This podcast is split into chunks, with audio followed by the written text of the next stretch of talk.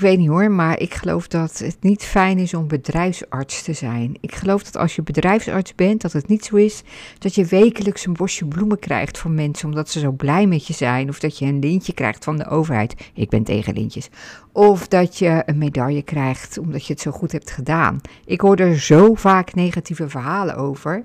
Aan de ene kant van werkgevers, ondernemers, die uh, het allemaal ingewikkeld vinden. En aan de andere kant ook vaak van werknemers die uh, ja, zich niet gezien voelen. Of die denken, nou ja, daar had ik helemaal niks aan. Of het was zonde van mijn tijd dat ik daar was. Of hij begreep me niet. En allemaal dat, van dat soort dingen.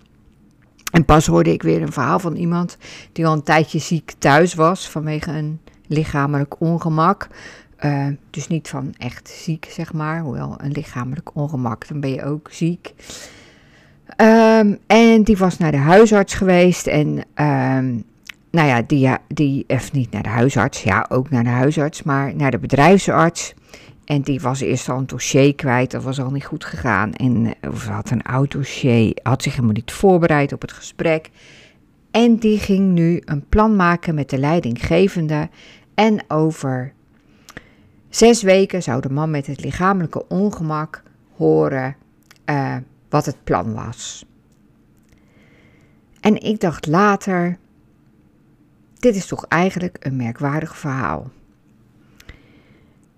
Want ik had juist het gevoel dat degene over wie het ging er heel erg bij gebaat zou zijn als die weer aan het werk kon. Ja, ik heb soms van die gevoelens over mensen, dan denk ik dat ik het allemaal weet.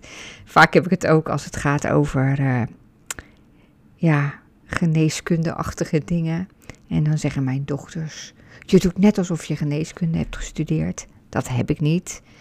Maar ik heb soms wel een gevoel van wat er is of zo. Daarom noemen uh, vriendinnen mij ook wel de internetzuster. Maar dat geheel terzijde. Ik geloofde echt dat het die persoon zou helpen om weer aan de slag te gaan. Al was het maar voor een uur of wat per dag.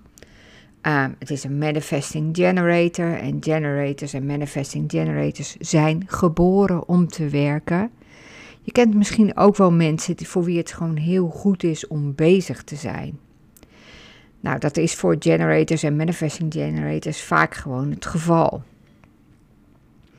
En toen dacht ik later, maar waarom kan je eigenlijk zelf niet gewoon met je leidinggevende, ik weet dat, dat hij en zijn leidinggevende een goede band hebben, waarom kunnen je niet samen een plan maken? Waarom moet je zes weken wachten op een bedrijfsarts die jou eigenlijk helemaal niet goed kent, die die manager niet goed kent, die het werk helemaal niet zo goed kent als jullie? Waarom moet je dan zes weken wachten op dat plan van die bedrijfsarts voordat je weer aan het werk kan? Nou, mijn uh, neiging om de hele zorg te hervormen komt weer omhoog schieten als een paddenstoel uit de grond. Het is een van de, de alternatieve beroepen die ik zou willen hebben. Maar daar gaat het niet over in deze podcast. In deze podcastaflevering gaat het over proactief zijn. En ik moest eraan denken omdat het een van de zeven effectieve eigenschappen is volgens Covey. Je weet wel, van het bekende boek uh, Stefan Covey, uh, de zeven effectieve eigenschappen van een leider. Oh, ik ben de titel even kwijt. Maar goed, je weet het wel. Jij weet het wel, ik weet het niet. Maar de eerste van die eigenschappen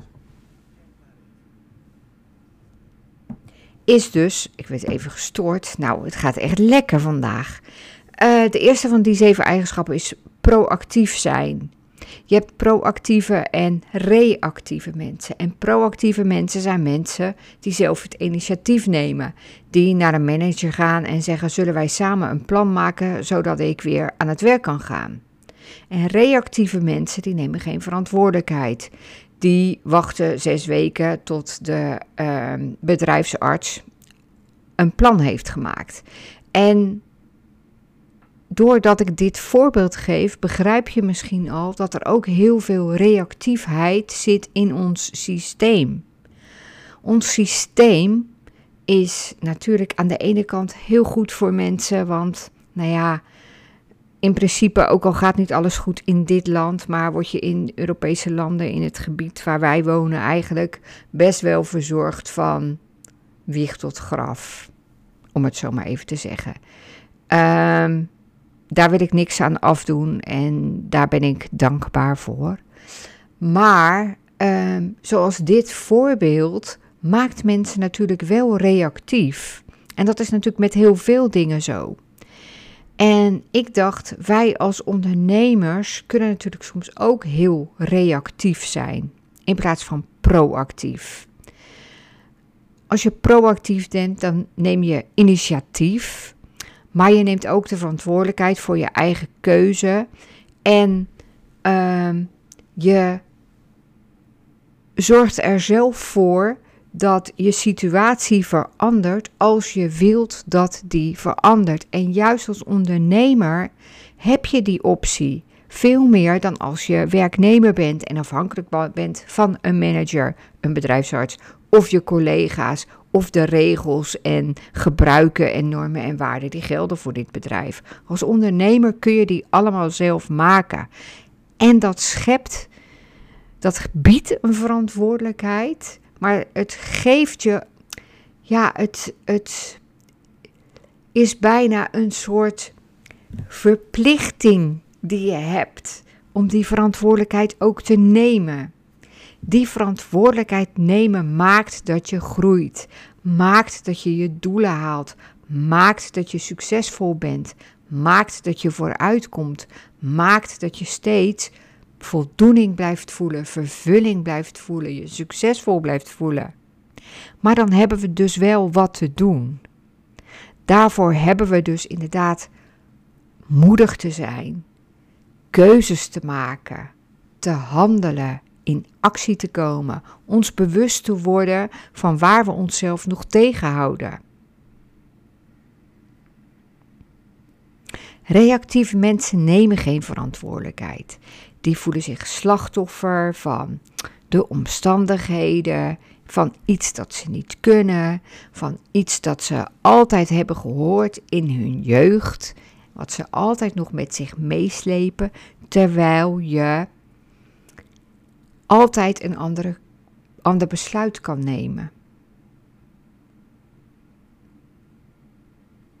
En ik zeg niet dat het makkelijker is als je in je jeugd alles hebt gekregen wat je nodig had om helemaal te floreren. Natuurlijk is het makkelijker. Alleen het ontslaat je niet van je Nee, van je plicht. Ja, dat is weer te. Je hebt altijd de kans om proactief te zijn. Je hebt altijd de kans om te kiezen voor proactiefheid in plaats van slachtofferschap. Oké, dat is me altijd verteld.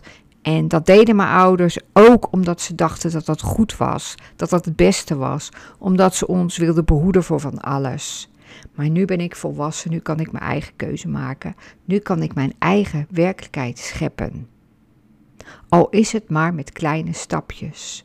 Dus ik nodig je uit vandaag om proactief te zijn. Als je baalt van je coach, omdat je het gevoel hebt dat hij niet ehm, genoeg voor je doet. Of dat hij, ja, wat hij aanbiedt je niet genoeg helpt. Wat kan jij nu doen om daarin verandering te brengen? Als je een klant hebt die achterblijft, wat kan jij nu doen om daarin verandering te brengen? Als je je doel van deze maand nog niet hebt gehaald, wat kan jij dan nu doen om daar verandering in te brengen? Welke stap kan jij zetten? Welke mindshift kan je maken? Wat kan jij geloven? Als je niet die joy voelt, hoe komt dat? Wat doe je dan te veel? Wat doe je dan te weinig? Nou, dit was even een heel verhaal over het verschil tussen proactief zijn en reactief zijn. Ik wens je uh, een hele proactieve dag. En uh, dank je wel dat je weer luisterde. Wil je nou een heel proactief besluit nemen? Denk je, ja, ik heb echt zin om mijn leven te veranderen, om inderdaad te gaan floreren op een plek waar ik me helemaal goed voel, waar ik me blij voel, waar ik joy voel, waar ik vervulling voel, waar ik voldoening voel, waar ik creatief kan zijn, waar ik al mijn talenten kan gebruiken en ook nog heel veel impact kan maken. Boek dan een call met me in. Want misschien loop je al een tijdje achter me aan. heel reactief. Nee, ik bedoel, misschien ben, je al ben ik al een tijdje in je gezichtsveld en is vandaag wel een heel goed moment om daar iets mee te doen. Je bent van harte welkom. Ik kijk er vanuit, naar uit om van je te horen. En ehm, nou ja, sowieso tot de volgende aflevering. En ik wens je ook nog een fijne dag.